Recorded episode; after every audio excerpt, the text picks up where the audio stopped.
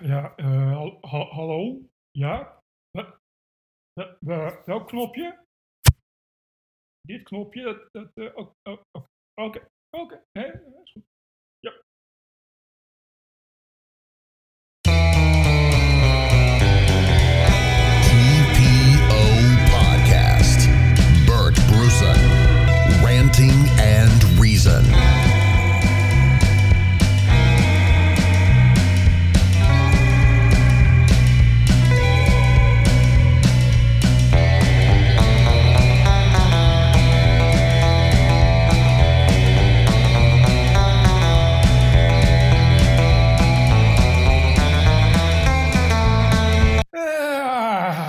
Een beetje Brussel op de vrije zaterdag. Eh, het is hier eh, heel warm, maar de reden dat ik tot u spreek is omdat Roderick aan het eh, snowboarden is in een of ander Zuid-Europees tropisch vakantieland. En we maandag dus geen podcast hebben in dinsdag gekomen met alleen een best-of uitzending.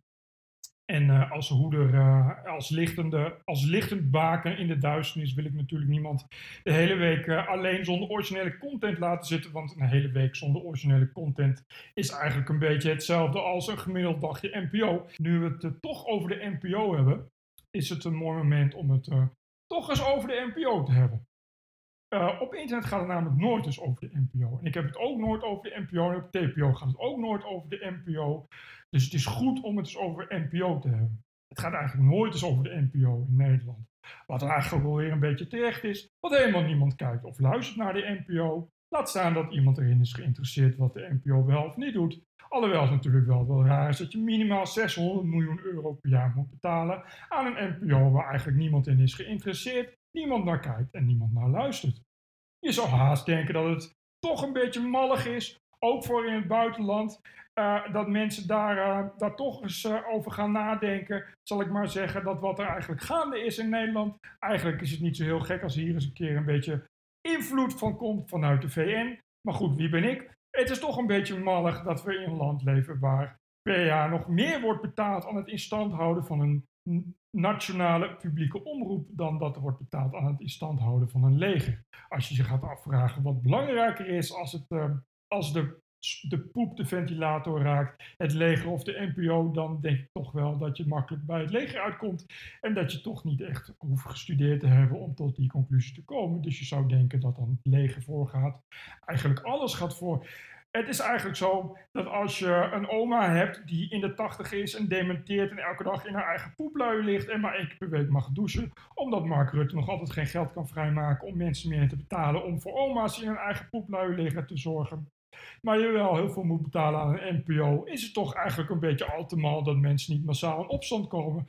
Of daar tenminste zichzelf vaker over laten horen. In tegenstelling horen we vooral de NPO zelf vaak over de NPO. Als het er even op aankomt en er is iemand in het kabinet die zo slim is om voorzichtig toch eens te opperen dat er misschien eens wat bezuinigd moet gaan worden op de NPO. Wat niet zo'n heel gek idee is, aangezien we meer dan 600 miljoen euro per jaar betalen voor Boer zoekt vrouw en heel Holland bakt. Als er dus in het kabinet iemand is die tot betere voorstellen komt om het een en ander te gaan bezuinigen, dan stromen de boze brieven van NPO-medewerkers, NPO-medewerkers en natuurlijk Sjoele Rijksman binnen om de wereld te verkondigen hoe belangrijk het wel niet is dat het een objectieve en volstrekt dubbel eenzijdige NPO is. Eh, het is wat dat betreft een beetje raar dat daar helemaal niemand op reageert. Maar waarschijnlijk is het zo dat de meeste mensen in Nederland gewoon heel blij zijn zolang ze maar elke week naar mijn boer zoekt vrouw kunnen kijken en heel Holland bakt. Ik ken overigens best wel veel mensen die heel Holland bakt kijken en die mensen zijn allemaal onder de 50. Dus het is eigenlijk nog droeviger dan dat, het, eh, ah, dan dat je je kunt voorstellen.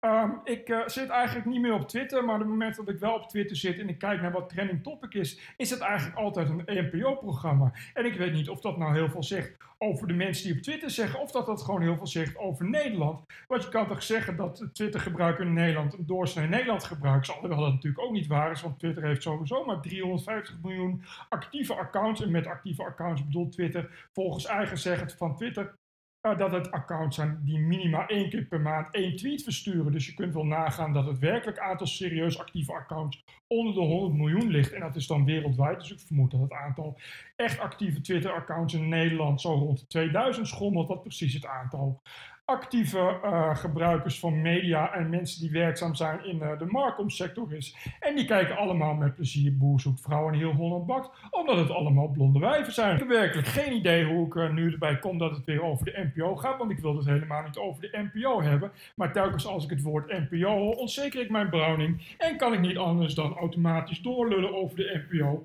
omdat de NPO toch, als je het wel beschouwt, een beetje een semi-criminele organisatie is. En het is raar, nogmaals, dat daar niets tegen gebeurt. En dat het maar jaar in jaar uit zomaar gewoon lekker fijn kan voortetteren. En dat mensen die in de ivoren torens van het Mediapark wonen nog steeds schaamteloos en schaamteloos hun zakken mogen vullen met geld dat beter aan andere dingen besteed kan worden. Maar goed, om het nou de hele tijd over de NPO te hebben. Het gaat al zoveel over de NPO, op de NPO. Op de NPO zelf gaat het eigenlijk alleen maar op de NPO. Als je echt een keer wilt lachen, moet je s ochtends Radio 1 luisteren. Dan is er altijd wel een of ander programma gepresenteerd door een of andere uh, presentator. Die afhankelijk is van een zaaddodende redactie die bij de NPO altijd bestaat uit millennials. En dat zijn altijd blonde wijven.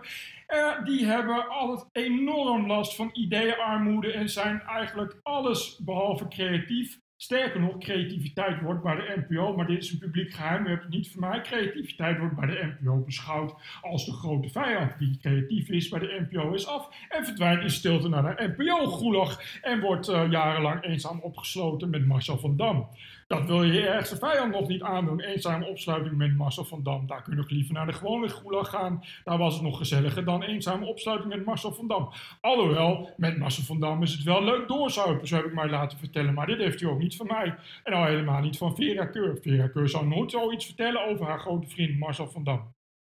Ik weet niet waarom ik eigenlijk iets heel anders wilde doen en nu al 6,5 minuut over de NPO heb en uiteindelijk bij Marcel van Dam aankom. Maar misschien is het eigenlijk wel mijn treurige, dingiswekkende talent dat mij ertoe noopt om op dingen uit te komen waar ik het helemaal niet over wil hebben. Laat staan dat iemand daarnaar wil luisteren. Maar ja, wat moet je anders met je vrije tijd op de vrije zaterdag? Het is hier, zoals gezegd, uh, plakkerig en heet. Dat komt omdat ik in een land woon waar het pas echt plakkerig en heet wordt als het in andere landen niet meer plakkerig en heet is. Terwijl als het in andere landen wel plakkerig en heet is, hier het ongeveer 3 graden is, met grijze bewolking en heel veel regen. Terwijl je toch denkt dat een tropisch eiland of een subtropisch eiland als Gran Canaria gewoon altijd plakkerig en heet is. Maar laten we niets wijs maken, het is niet overal altijd plakkerig en heet op het subtropisch eiland Gran Canaria. Want als je toevallig zo slim bent om in de buurt van Las Palmas te gaan wonen, dan zit je in het uh, noordoosten van het eiland. En in het noordoosten van het eiland is het dus altijd bewolkt en regenachtig, als ware het een Gotham City. Behalve dan als het herfst en winter wordt in Nederland, dan is het hier mooi weer. Dus eigenlijk is het wel weer goed dat het hier mooi weer is, want dat betekent dat het in Nederland herfst en winter is.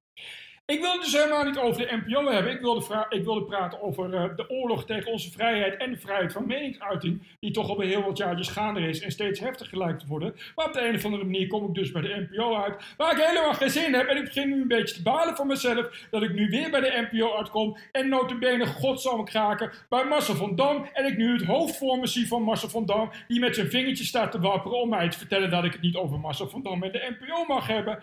Uh, en dat het allemaal de schuld is van Exota. Het is dan ook alweer zo dat ik zo oud ben dat ik weet wat exota is, wat toch eigenlijk heel droevig is. Want dat betekent dat ik mijn hele leven dus ben geïndoctrineerd door Marcel van Dam met zijn VARA. Het is, ik wil even nog vertellen, en dan hou ik echt op over de NPO, dat ik dus jarenlang heb geloofd dat Kinderen voor Kinderen en Astrid Joosten en Marcel van Dam en de VARA en Elle Blazer uh, en Sonja Barend uh, en Felix Meurnes dat die allemaal met een no-vip een gast aan tafel uitnodigen. En dat VARA speelgoedactie echt alleen en bedoeld was voor de derde wereld. En dat het echt niet bedoeld was om mijn zakken te vullen. Echt waar, ik heb dat geloofd. Maar ik was toen kind, dus ik kon het niet helpen. Maar er was toen alleen maar VARA op televisie. Bovendien waren er maar twee netten. En ik woonde in, uh, in Bennekom. En in Bennekom had je als laatste kabel van heel Nederland. Dat was ongeveer in 2016. Dus ik moest op mijn 23ste moest ik, uh, televisie kijken met de antenne. En we konden alleen Nederland 1 en Hilversum 1 op de radio ontvangen en de ZDF, wat een Duitse zender is. En een Duitse zender is een soort NPO, maar dan keer 30.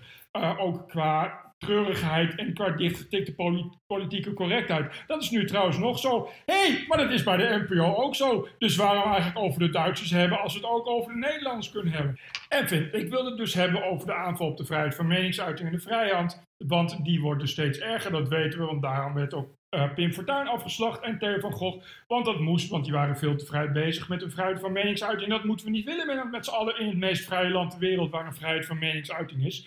Daarom ook wil het CDA nu een, uh, uh, een DNA-database en een verbod op het filmen van ongelukken op de openbare vrije weg. Want als je burgers hun DNA afneemt en je ze verbiedt om hun filmpjes op social media te plaatsen, dan heb je ze tenminste pas echt weer onder controle. En dan blijft in Nederland ook een beetje, beetje lekker vrij. Nou, vrije CDA-maatstaven en vrije CDA-maatstaven zijn ongeveer net zo vrij uh, als, laten we zeggen, Lunteren in 1868. Wat toch bepaald niet vrij is, maar dat weet u niet, want u komt niet in Lutteren. Ik wel, want ik kom uit Veluwe en ik kom van de gemeente Ede. En de gemeente Ede is ook toevallig Lunteren. En in Lunteren staat trouwens de muur van Musset, waarmee ik niks wil zeggen over Musset of over Lunteren. Want in Lunteren hebben ze elk jaar de Oud-Lunterse Dag. En die is eigenlijk net zo leuk en gezellig als de Bennekomse Vlegeldag, die ze ook elk jaar, elk jaar hebben. En de Bennekomse Vlegeldag is dit jaar, uh, ik geloof dat het eergisteren was, nou ja, ik wil eigenlijk niet te veel zeggen over de Vlegeldag. Behalve dan dat Vlegeldag al sinds uh, pak een beetje 1444 elk jaar wordt gevierd. Uh, en een vlegel, dat is zo'n ding aan een stok. En daarmee sloegen boeren in 1444 uh, het graan uit de graankolven, zoiets. Nou ja, en omdat ze in Binnenkom eigenlijk nooit voorbij het jaar onze heren 1444 zijn gekomen, doen ze dat nu nog steeds. En dat wordt dan elk jaar gevierd. Uh, met een winkeliersvereniging die dan allemaal leuke braderieën met gratis alcoholvrije hapjes en drankjes en liederen voor de Heer Jezus organiseert. Over de Heer Jezus gesproken, toen ik geloofde dat uh, de VARA met de VARA speelgoedactie en de Novib en Kinderen voor Kinderen echt dingen deed voor de derde wereld, geloofde ik ook nog in Jezus. Ja, dat is heel raar. Als je dus opgroeit in een gereformeerd dorp op een school met de Bijbel, ga je automatisch in Jezus geloven. Maar ja, toen ik een jaar of tien was, dacht ik, nou, dat zal allemaal wel niet. Dat zal dan wel niet waar zijn. Dat er ook nog een onzichtbare manier ergens in een plek is die heet de hemel. En dat die onzichtbare manier op de een of andere manier ook nog in mijn hartje en in mijn hoofd zit. En met mij kan praten en mij altijd hoort. En altijd met me is en me altijd zal beschermen uh, als er gevaar dreigt. En dat hij dat dan ook nog voor 6 miljard andere mensen doet. Dat leek me niet. Dat leek me niet heel erg waar en ook niet heel erg logisch. Wat toch een beetje maf was. Want ik zat op een school waar ik wel gewoon verder onderwijs kreeg. Zoals rekenen, schrijven, aardrijkskunde en geschiedenis. Dus het was best wel een beetje normaal wetenschappelijk gebaseerd. Maar zodra het over Jezus ging, kwam er alleen maar onzin en poep uit de mond van onze meester. Anyway, toen ik een jaar of tien was, dacht ik, nou dat zal dan wel niet die Jezus. En toen dacht ik, nou ik voel me toch eigenlijk best wel genaaid dat ik nu mijn hele leven ben voorgelogen, voorgelogen op een school. Waarvan ik dacht dat er altijd de waarheid werd gesproken. Want dat zei de meester altijd. Alles wat je hier leest op school is de waarheid, dat moet je goed onthouden. Dus u begrijpt dat ik vanaf mijn tiende jaar eigenlijk de mensheid niet meer zo heel serieus nam. Laat staan de mensen die mij vertellen dat ik ze serieus moet nemen. Alhoewel ik daar pas veel later achter kwam wat de NPO betreft. Want ik heb tot, van mijn tiende tot mijn zestiende toch zo'n beetje elke dag, tien uur per dag aan de, achter de tv gehangen. TV verslaafd als ik was. Uh, en mijn grootste favoriet in de week was wel uh, de VARA Kindermiddag Kindermatinee met Jill en Julie. En dat allemaal gepresenteerd door Astrid Joos. En daar kwamen altijd van die hele kleffe, laffe, moralistische Australische kinderseries werden er dan vertoond. Waar altijd een soort van socialistisch, moralistisch ondertoontje in zat. Dat als je goed doet voor de wereld, dat wie goed doet, goed moet. En meer van dat soort Ellen Blazer geloof. Wist u trouwens dat Ellen Blazer en Sonja Barend samen dezelfde rode Alfa Romeo Spijder reden? Dat wist u misschien niet, maar dat is ook een goed bewaard geheim op Mediapark. Sonja Barend en Elle Blazer. Elle Blazer is een soort wandelend icoon die nu al heel lang dood is, maar die bedacht dus uh, bijvoorbeeld een treurige, slaapverwekkende, deerniswekkende burgerlijke kutquiz als 2 voor 12. Uh, en Ellen Blazer gold al uh, jarenlang, ongeveer 300 jaar, dat is de tijd dat ze in leven was, als het grote genie achter de successen van de VARA. Die reden samen met Sonja Barend van hun dik betaalde belastinggeld een rode Alfa Romeo Spider. Het is eigenlijk te gek voor woorden als je erover denkt, maar het is wel een verdomd leuke anekdote. En ik ben nu alweer op bijna 15 minuten van deze totaal zinloze podcast. Terwijl ik heb dus net ook al gezegd dat ik helemaal geen totaal zinloze podcast wilde maken. Maar het is natuurlijk wel zo dat als ik eenmaal ga monologen, dat ik daar net zo goed niet meer mee kan ophouden. Terwijl dan net zo goed nuttiger is om eens even lekker flink met de kruimeldief aan de slag te gaan en wat mieren op te vegen. Of om uh, wat eens een keer in de afwasmachine te zetten. Of om gewoon eens een keer heel gek een keer te gaan douchen. Ik noem maar eens wat. Maar nee, nee, nee, Bertje Brussel heeft weer vrij op zaterdag en moet weer een podcast volgen. Nou, dat zullen de luisteraars weten. Anyway, het ging dus over vrijheid en vrijheid van meningsuiting. Die dus niet langer meer onder druk staat, maar waar gewoon frontaal uh, de oorlog uh, aan uh, is ontketend. en dat begon al bij het doodschieten of uit de weg laten ruimen, CQ liquideren van Pim Fortuyn. dankzij wat betere druk van GroenLinks en D66 gaf Volker te gehoor aan om de rotzooi even op te ruimen. En natuurlijk het dankzij de religie van vrede en tolerantie uit de weg ruimen van Theo van Gogh, die toch volgens veel prominenten en politici en natuurlijk mediamakers veel te kwetsend gemeen is geweest over eh, de religie van de vrede en tolerantie. Dus heeft hij het ook daar een beetje aan zichzelf verdiend. Althans, uh, als je dan Arthur Japan vraagt, dan is het eigenlijk nog minder erg dan dat Theo van Gogh is doodgeschoten. Dan wat hij allemaal zei. Dus het is eigenlijk wel oké dat uh, Theo van Gogh is doodgeschoten. Althans, van de lezers van Arthur Japan en de varen, waar Arthur Japan ook tijdenlang een mislukte quiz had. Die quiz heette, geloof ik, CQ. Uh, en die quiz was gejat van de Engelsen. En dat komt goed uit, want bij de NPO verzinnen ze nooit iets zelf. De laatste 15 jaar is eigenlijk alles gejat van de Engelsen. Omdat er nou eenmaal heel veel landen zijn in de wereld waarin ze wel creatieve programma's maken en leuke dingen kunnen bedenken. Alleen niet in Nederland. In Nederland zijn ze heel goed in het produceren van synthetische drugs. Dat is dan ook fijn. Je moet ergens goed in zijn. Watermanagement en het produceren van synthetische drugs. Het zijn toch dingen waar we trots op kunnen zijn. Hoe zit het eigenlijk met het Nederlands elftal? Ik heb helemaal geen verstand van voetbal. Maar de laatste keer dat ik voetbal keek was 1988. En toen ging het heel goed met het Nederlands elftal. Toen heb ik nog hup, gullet, hup geroepen. En toen uh, kwam op het laatste moment Kief erin. Want er werd iemand gewisseld. En Kief die maakte toen een goal. En toen hebben we gewonnen. En toen kregen ze een rondvaart. Uh, en toen, uh, jaren later, toen had het Nederlands elftal had niet gewonnen. En toen kregen ze ook een rondvaart. Wat heel raar is, want als je niet wint, zou je toch eigenlijk geen huldiging moeten krijgen. Want je krijgt alleen een rondvaart met een huldiging als je hebt gewonnen. Want het gaat erom dat je wint. Dat is een beetje het idee van een EK. Je hebt maar één EK, dat is degene die wint. En de rest is tweede en derde. Dat is allemaal heel leuk, maar je kan dan net zo goed zesde of zevende zijn. Maar goed, volgens D66 is helemaal niet winnen toch ook een beetje zilver. Dus helemaal brons winnen is ook een beetje zilver. En weer op een beetje zilver zit, zit al snel op een beetje goud. Dus dan kun je net zo goed alle verliezers, want dat zijn eigenlijk allemaal winnaars. Of kanjes. Het zijn allemaal kanjes. Ik zag laatst iemand die ging een Elfstedentocht schaatsen, maar bleek dat het uh, uh, ijs was gesmolten. Dus ging hij een Elfstedentocht zwemmen en 167 kilometer gaf hij op. Dus ik denk, nou, die heeft gefaald. Jammer man. Maar ja, de volgende keer beter. Maar wat bleek? Uh, opgeven en falen is eigenlijk ook een soort winnen. Want hij is ook een kanje. Iedereen is eigenlijk een kanje. Het maakt werkelijk in Nederland geen fuck uit wat je doet. Zelfs als je niks uh, van bakt en als je helemaal faalt en als je er niets van maakt, ben je alsnog een kanje. We zijn allemaal kanjes. In werkelijkheid is iedereen diep in zijn hart een eenhoorn. En daarom krijgen jullie nu allemaal een medaille en mogen jullie straks allemaal meedoen met de kolleren en worden jullie straks eerste. Hip hip.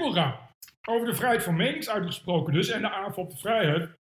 Uh, het zit dus zo dat er die aanval gaande is. En dat is dus begonnen niet alleen bij Pim Fortuyn en uh, Theo van Gogh. Maar dat is pas echt begonnen toen ze bij de Volkskrant. Dat is overigens een linkse kutkrant, dus beginnen niet aan. Maar bij de Volkskrant hebben ze destijds notabene in samenwerking met NSC. Hey, wat ook een linkse kutkrant is, maar dat is puur toeval. Straks ga je nog denken dat ook de NPO een linkse kutomroep is. Anyway, in samenwerking met de NSC heeft de Volkskrant destijds een compleet manifest ge geplaatst waarin uh, zoveel tig honderd surfvrouwtjes lieten blijken gekwetst te zijn door geen stijl. Nou is geen stijl al 15 jaar uh, een plek waar mensen eigenlijk altijd gekwetst door zijn. Zelfs als geen stijl iets opschrijft, wat wel uh, heel goed is en heel goed klopt, omdat de andere media het niet opschrijven, maar is iedereen altijd gekwetst. Zelfs als ze geen stijl nooit leest, want dat zeggen ze altijd. Nee, geen stijl, dat is fascisme, dat lees ik niet. Maar ze zijn er wel altijd door gekwetst, wat dan toch heel raar is. Iets niet lezen en toch altijd door gekwetst zijn. En vind, er waren weer heel veel mensen gekwetst door geen stijl, dus toen heeft de Volkskrant met het NSC een uh, manifest geplaatst waarin werd opgeroepen, openlijk werd opgeroepen op zoveel mogelijk adverteerders van uh, geen stijl uh, lastig te vallen op social media, zodat alle adverteerders uiteindelijk ophouden met adverteren op geen stijl en geen stijl geen geld meer verdient, zodat geen stijl kapot gaat.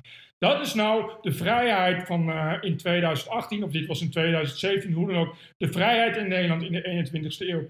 Eigenlijk is het om te huilen dat, je, dat we het nu moeten hebben over journalistieke organisaties die het als taak zien van de journalistiek om uh, andere media zo hard mogelijk en zo goed mogelijk de vrijheid te ontnemen en kapot te maken. Dit is ook iets wat je nu de hele tijd ziet in de Verenigde Staten. Ten eerste moet uh, Trump zo snel mogelijk en zo hard mogelijk kapot. Maar dat proberen ze al twee jaar. En die Trump wil maar niet kapot en nou, ook niet zo hard mogelijk. Hij gaat waarschijnlijk gewoon in 2020 weer president worden. Let op mijn woorden. En dat komt dat CNN, de Washington Post en de New York Times zo hardhandig alles aan doen om hem kapot te maken. Maar goed, het is natuurlijk veel te moeilijk om eens een keer te leren van je eigen fout. En te beseffen dat als je de hele tijd iemand kapot maakt, dat het volk dan vanzelf voor die persoon gaat stemmen. Anyway, uh, het CNN heeft eigenhandig ervoor gezorgd dat Alex Alex Jones kapot ging. Alex Jones had namelijk de verkeerde mening volgens CNN, dus moest Alex Jones kapot. Dat is een beetje uh, hoe uh, het liberaal linkse uh, small deel, of ik bedoel, sorry, small deel, breed deel, was het maar een small deel, ah, hoor je mij even vergissing maken. Dat is een beetje hoe het liberaal linkse breed deel van de wereld, in elk geval in Europa en de Verenigde Staten, werkelijk denkt over wat vrijheid en tolerantie is. Iedereen met verkeerde mening moet zo hard mogelijk kapot en zo snel mogelijk, desnoods doodgeschoten op het Mediapark, of anders gewoon geheel gecensureerd door Google, Facebook, Twitter en YouTube. Het maakt niet uit als de geluiden maar niet meer te horen zijn. Uh, eigenlijk, als je dat tien jaar geleden had gezegd, dan dacht iedereen dat het een satire was, dat Jiske Vet weer terug was en dat er eindelijk weer eens echte uh, satire bij de BBC werd gemaakt. Want wie kan er nou überhaupt durven bedenken dat er zoiets is als een journalistieke organisatie die toch wordt gezegd op te komen voor de vrijheid van pers en de vrijheid van meningsuiting en de vrije samenleving het als de belangrijkste taak ziet om zo hard mogelijk te proberen vrijheid van anderen kapot te maken. Maar zie daar, zelfs het grote machtige CNN, waar helemaal niemand nog naar kijkt in Amerika, Maar dat terzijde. Zelfs het grote machtige CNN, de grote hoeders van democratie en samenleving en vrijheid van meningsuiting, is het inmiddels gelukt om uh, het zover te krijgen dat iemand met de verkeerde mening en de verkeerde opvattingen volledig uit het archief is gecensureerd, uit de geschiedenis is uitgewist. Uh, en dat allemaal in één nacht. Ik wil uh, natuurlijk niet te veel godwins maken, maar er waren tijden in Europa dat er ook dingen werden uitgegumd uit de geschiedenis en mensen verdwenen in één nacht bij nacht en nevel, ik noem maar eens wat.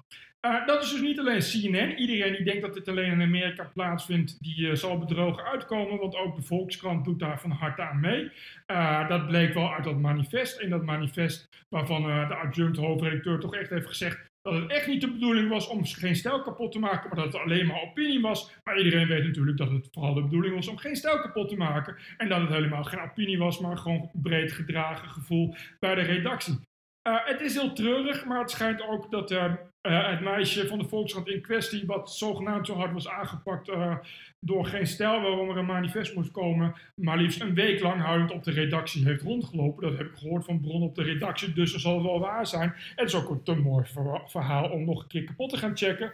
Maar als je een week lang huilend moet rondlopen omdat geen stijl eigenlijk een niet anders dan terechte ironische opmerking over je maakt en er tienduizenden reaguurders zijn die grove dingen over je zeggen, omdat het nou eenmaal is wat reaguurders altijd doen. Ik heb nooit een reaguurder op geen stijl iets anders horen zeggen dan, dan grofheid, soms heel vaak lollige grofheid. En soms hebben ze ook hele leuke links en hele leuke sites. Maar ik ben uh, regelmatig uh, met mijn eigen hoofd en bakkers op geen stel gestaan. En ik kan je vertellen dat het nooit een plezier was om daaronder de comments te lezen. Want reaguurders die houden nou eenmaal van zeiken. Dat is nou eenmaal wat reaguurders doen. Omdat het nou eenmaal is wat Nederlanders doen. En omdat uh, die grensloze vrijheid van meningsuiting ons ook reaguurders en sociale media heeft gegeven. En dankzij social media en reaguurders wat mensen in werkelijkheid vinden en doen. Namelijk alles kut en uh, iedereen haten. En bij de Volkskrant zijn het ook net mensen.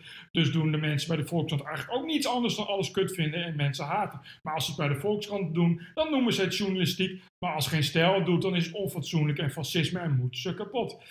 Uh, anyway, dat uh, betekent dat onze vrijheid onder vuur ligt en dat zal alleen nog maar erger worden. Uh, je moet niet gek op staan te kijken als de Volkskrant binnenkort ook zal oproepen dat er bepaalde dingen van het internet gaan verdwijnen in Nederland. Ik denk dat, ik vind het nog lang duren overigens voordat er eindelijk eens werk wordt gemaakt van geen stijl op Twitter en Google en Facebook. Ik denk dat het, dat het wel tijd gaat worden binnenkort van de mainstream media, op zijn minst NSC, waar de haat tegen geen stijl eigenlijk nog dikker is dan de haat tegen Rusland. En dat wil wat zeggen. De haat tegen Rusland bij NC Handelsblad is inmiddels zo groot dat ze eigenlijk dag in dag uit puur netnieuws uh, produceren over Rusland. Om uh, Rusland te kunnen haten, want je moet maar één vijand hebben. En daarmee kun je het volk een beetje samenbinden. Dat is namelijk ook precies wat ze altijd over Wilders zeggen in de islam. Maar als Wilders het met de islam doet, is Wilders een fascist. Maar als de NSC het doet met Rusland, dan is het ineens uh, een teken van goed trouw EU-liberaal zijn en van uh, goed. Wat toch heel raar is, want je zou bijna denken dat dat meten met twee maten betekent. Wat eigenlijk bizar is om te bedenken dat er in Nederland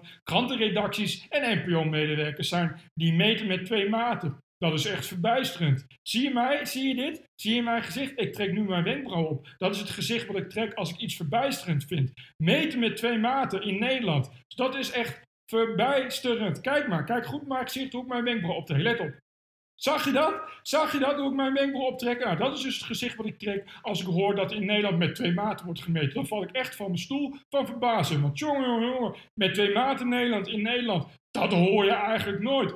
Trouwens, nu we het toch over hebben, is de wereld draait door eigenlijk al wel weer begonnen. Want ik kijk dus nooit NPO, al was het maar omdat ik in Spanje woon en niet in Nederland. Dus ik kan hier godzijdank geen NPO ontvangen. Ik kan natuurlijk wel met een uh, VPN, want je mag niet, uh, ook in uh, andere landen mag je online geen NPO kijken. Je mag helemaal niks bij de NPO. Bij de NPO willen ze namelijk dat je zoveel mogelijk, zo min mogelijk kijkers naar programma's kijken, maar dat te zuiden. Ik kan natuurlijk wel een VPN'tje gaan tunnelen, zodat ik alsnog naar de NPO online ga, kijken, maar dat ga ik niet doen, want dan krijg ik alleen maar leukemie beroertes van. Dat heb ik al eens eerder gehad. En dat hoef ik niet nog een keer. Maar uh, is de Wereld Draait Door al begonnen? Of moeten we tegenwoordig doen met het boekenwachtprogramma van Matthijs van Nieuwkerk? Nu we het toch over boekenprogramma's hebben trouwens, zit ik zo te denken. Het zou een leuk idee zijn als er een boekenprogramma kwam met Sylvana Simons. Die zou dan gewoon heel leuk een moeilijke bril op kunnen laten zetten. En dan noemen we het kaft. En dan zorgen we ervoor dat Sylvana Simons en helemaal niemand van de redactie die boek ook echt leuk, echt leest. Maar dan gaan we toch lullen over boeken. Ik zou het heel mooi vinden en iedereen in Nederland zou heel blij vinden om daar zijn belastinggeld aan te betalen. Alhoewel dit misschien wel een beetje passé is en Sylvana Simons tegenwoordig niet meer beschikbaar, want die doet belangrijk werk in de politiek. Zo heb ik van anderen, maar ik vraag niet voor een vriend. Ik vroeg helemaal niks, dus ik kan het ook niet voor een vriend vragen. Ik ben nu al 26 minuten onafgebroken aan het praten. En het wordt nu wel een beetje heel barrig monoloog. Dus ik kan net zo goed stoppen. Ik kan niet verwachten dat mensen straks na 30 minuten alsnog gaan luisteren naar een monoloog. Terwijl ik wil het alleen maar over de vrijheid en de vrijheid van meningsuiting hebben. En het is eigenlijk niet gelukt omdat ik de hele tijd weer bij de NPO uitkwam. Het is eigenlijk heel tragisch dat ik de hele tijd bij de NPO uitkwam. Terwijl ik kijk eigenlijk nooit NPO. Ik krijg ook nooit RTL. RTL is eigenlijk een soort NPO, alleen dan wordt het niet door de belastingbetaler betaald. Maar als ik wel NPO krijg, krijg ik overal huidaanslag en dus leukemie en beroertes. Nou, en op één avond één leukemie, beroertes en huidaanslag te krijgen, is mij een beetje te veel van het goede. Wist u eigenlijk dat uh, Hans Laroes tonnen per jaar verdient bij de NPO, maar eigenlijk nog geen deuk in de pakje boter kan slaan. Dat wist niemand, maar je hoort daar nooit eens een keer iemand over. Terwijl iedereen bij het Mediapark weet dat. Hans Leroes kan dus helemaal niks. Het laatste wat Hans Leroes gemaakt heeft is Brandpunt Plus. En daar kijkt dus helemaal niemand naar. Terwijl daar zouden heel veel mensen naar gaan kijken. Want Brandpunt Plus werd speciaal voor millennials gemaakt. Terwijl heel de wereld en zijn moeder weet dat millennials geen televisie meer kijken. Maar daar zou Brandpunt Plus veranderingen gaan bedenken. Want Brandpunt Plus zou naar een pluspunt toe gaan werken. Nou is er niets moois dan journalistiek die naar een pluspunt toe werkt. Dat doe ik ook altijd, naar een pluspunt toe werken. En dus denk ik wel dat ik 17 keer per dag naar de wc ga. Want ik heb, uh, word ook oud en het gaat een beetje drukken aan je blaas. Of eerder zwaartekracht. Maar hoe dan ook, als je ouder wordt moet je vaker pissen. En elke keer als ik dat doe, denk ik naar een pluspunt toe. Maar niet in de journalistiek. Want als we naar de journalistiek naar een pluspunt gaan toewerken. Nou mensen, dan houdt het een beetje op met de journalistiek. Want dan is het eigenlijk alsof je een column schrijft. Dan kun je net zo goed geen journalistiek meer bedrijven. Want dan krijg je dat je op moet schrijven dat er in Harderwijk een mevrouw van een fiets is gevallen die 64 was omdat er een rukwind was en dat ze een heup had gebroken. Maar dat je dan ook eens een keer de vraag moet gaan stellen, hoe kunnen we dat eigenlijk oplossen? Dat vrouwen in Harderwijk van 64 van een fiets kunnen vallen. Nee, dat lijkt me meer iets voor de dominee. Om te vragen hoe we iets gaan kunnen oplossen en niet iets voor de journalistiek. Dus laten we vooral niet aan de constructieve journalistiek gaan beginnen. Overigens is dat bedacht door christenen die op een christelijke HBO in Zwolle werken. Dus het is niet zo heel raar dat, dat, dat constructieve journalistiek die naar een pluspunt toe werkt, zo christelijk als een neet is en te maken heeft met dominees. Uh, wat overigens ook weer iets heel raar is, want Hans Laroes werkt voor uh, de christelijke omroep Caro NCV. Nu zou je denken, hoe kan het eigenlijk? We leven toch lang niet meer in de, in de verzuiling? Maar ho, ho, ho, dan kent u de NPO niet. De NPO bestaat nog steeds uit verzelde omroepen en wordt nog steeds betaald naar het model van verzuiling, omdat alle mensen die lid zijn geworden in de verzuiling ergens in 1864 nu 133 zijn en vergeten zijn dat ze ooit lid zijn geworden van de publieke omroep en elk jaar trouw donaties betalen, waardoor Hans Laroes tonnen per jaar kan verdienen aan het maken van programma's waar helemaal niemand aan kijkt. Waardoor ik het nu over Hans Laroes heb. En ik weet niet wat erger is. Dat ik het moet gaan hebben over Marcel van Dam of Hans Laroes. Jongen, je zou bijna denken, leeft Freek de Jonge nog maar. Dan zou ik het daar eens over kunnen hebben. Want Freek de Jonge, als die aan tafel zit bij de wereld draait door, dan wordt het pas echt leuk. Dan horen we pas echt waarheden. Eigenlijk zou Freek de Jonge, die zou zich eens een keer moeten wagen aan journalistiek die naar een pluspunt toe werkt. Dat trekt kijkers. Journalistiek die naar een pluspunt toe werkt. Nou, ik ga nu ook maar eens een keer naar een pluspunt toe werken. Want het is al bijna weer een half uur dat ik hier deze podcast vol lul. Terwijl ik eigenlijk helemaal niet weet waarover ik het heb. Terwijl ik wilde gewoon over vrijheid van meningsuiting hebben. Maar ik kwam de hele tijd uit op de VARA, Marcel van Dam. Uh, en die naam, wiens naam nu vergeten ben. Maar die wel jarenlang hoofdredacteur was van het Nationaal. En daarom uh, kon het zo zijn dat we jarenlang van het Nationaal van alles hebben gehoord. Wat helemaal niet waar was. En daarom denken we nu nog steeds dat fijnstof schadelijk is. En dat het heel goed is als we straks allemaal een uh, waterpomp gaan kopen. Omdat cv-ketels binnenkort afgedaan zijn. Terwijl het helemaal niet waar is. Omdat de cv-ketelverkoop juist stijgt in plaats van daalt. Maar ja, de Nationaal is helemaal niet onafhankelijk of objectief. Maar volledig in de dikke kont van de milieulobby. Dus kijk vooral Nationaal als u van journalistieke pluspunten journalistiek houdt. Met, uh, met, met, met constructieve journalistiek houdt. Ja, ik ben helemaal de draad kwijt. Als ik nu nog langer doorga, dan ga ik, ga, ga, ik, ga ik klinken als Marcel van Dam. Nou, ik ben nu alweer klaar. Dit was alweer even de gezellige podcast op zaterdag, de vrije zaterdag. Uh, ik ga er nu een jingle in gooien. Deze jingle, die hoorde je aan het begin ook al. Dat is de jingle van Willem Treur. Willem Treur, die kan dus gewoon zelf jingles maken. Zo is Willem Treur. Sommige mensen die kunnen een half uur lang een monoloog volloden op een podcast. Andere mensen zijn goed met Lego steentjes. Maar Willem Treur, die kan muziek maken en die maakt dus jingles. Als je ook een jingle wilt voor niet al te veel geld, kunt u terecht bij Willem Treur. Wij krijgen hem over gra gratis. Maar dat komt dat we altijd heel aardig zijn voor Willem Treur. Uh, wij zijn ook altijd aardig voor Jurien Maassen, maar Jurien Maassen die is nu vliegtuigen aan het bekijken op de luchtmachtdagen in Soesterberg. Het zijn dus luchtmachtdagen in Soesterberg. Dit is een gratis uh, TPO-uittip zonder Meta de Vries, maar als je nog wat te doen wil hebben, ga naar Soesterberg, want dat zijn de luchtmachtdagen. En daar is Jurien Maassen ook en Jurien Maassen deelt graag handtekeningen aan. Dus spreek gewoon vooral aan die Jurien Maassen. Oké, tot zover. Dit was mijn, uh, mijn doorwrochtig gesprek over vrijheid van meningsuiting, die vooral over de NPO ging. Ik ga nu weer mijn uh, browning zekeren en wat water drinken, want je krijgt er best wel dorst van de hele tijd. Alleen maar onzin lullen. en dat zonder dat de ventilatie is. Want ik heb hier de, de ramen dicht, anders hoor je de hele tijd voorbij razende auto's. Want het huisje dat ik wil gaan bouwen is nog steeds niet af. Want iemand anders zou het huisje gaan bouwen. Maar in Spanje is manjana, manjana ongeveer hetzelfde als misschien ergens de komende 16 weken. Het scheelt wel dat dat alles wel 16 keer goedkoper is dan in Nederland. Maar goed, je moet het er maar mee doen. Uiteindelijk ga je er zelf aan wennen en word je er zelf ook een stuk rustig van. Al zou je dat niet zeggen, als je nu zomaar monoloog hoor. Goh, ik moet toch eens een keer een beetje leren met doorademen, want ik word een beetje licht in mijn hoofd hiervan. En dan nu een jingle. Bedankt Willem Treur, bedankt voor de jingle. TPO Podcast. Bert Velo, Ranting and Reason.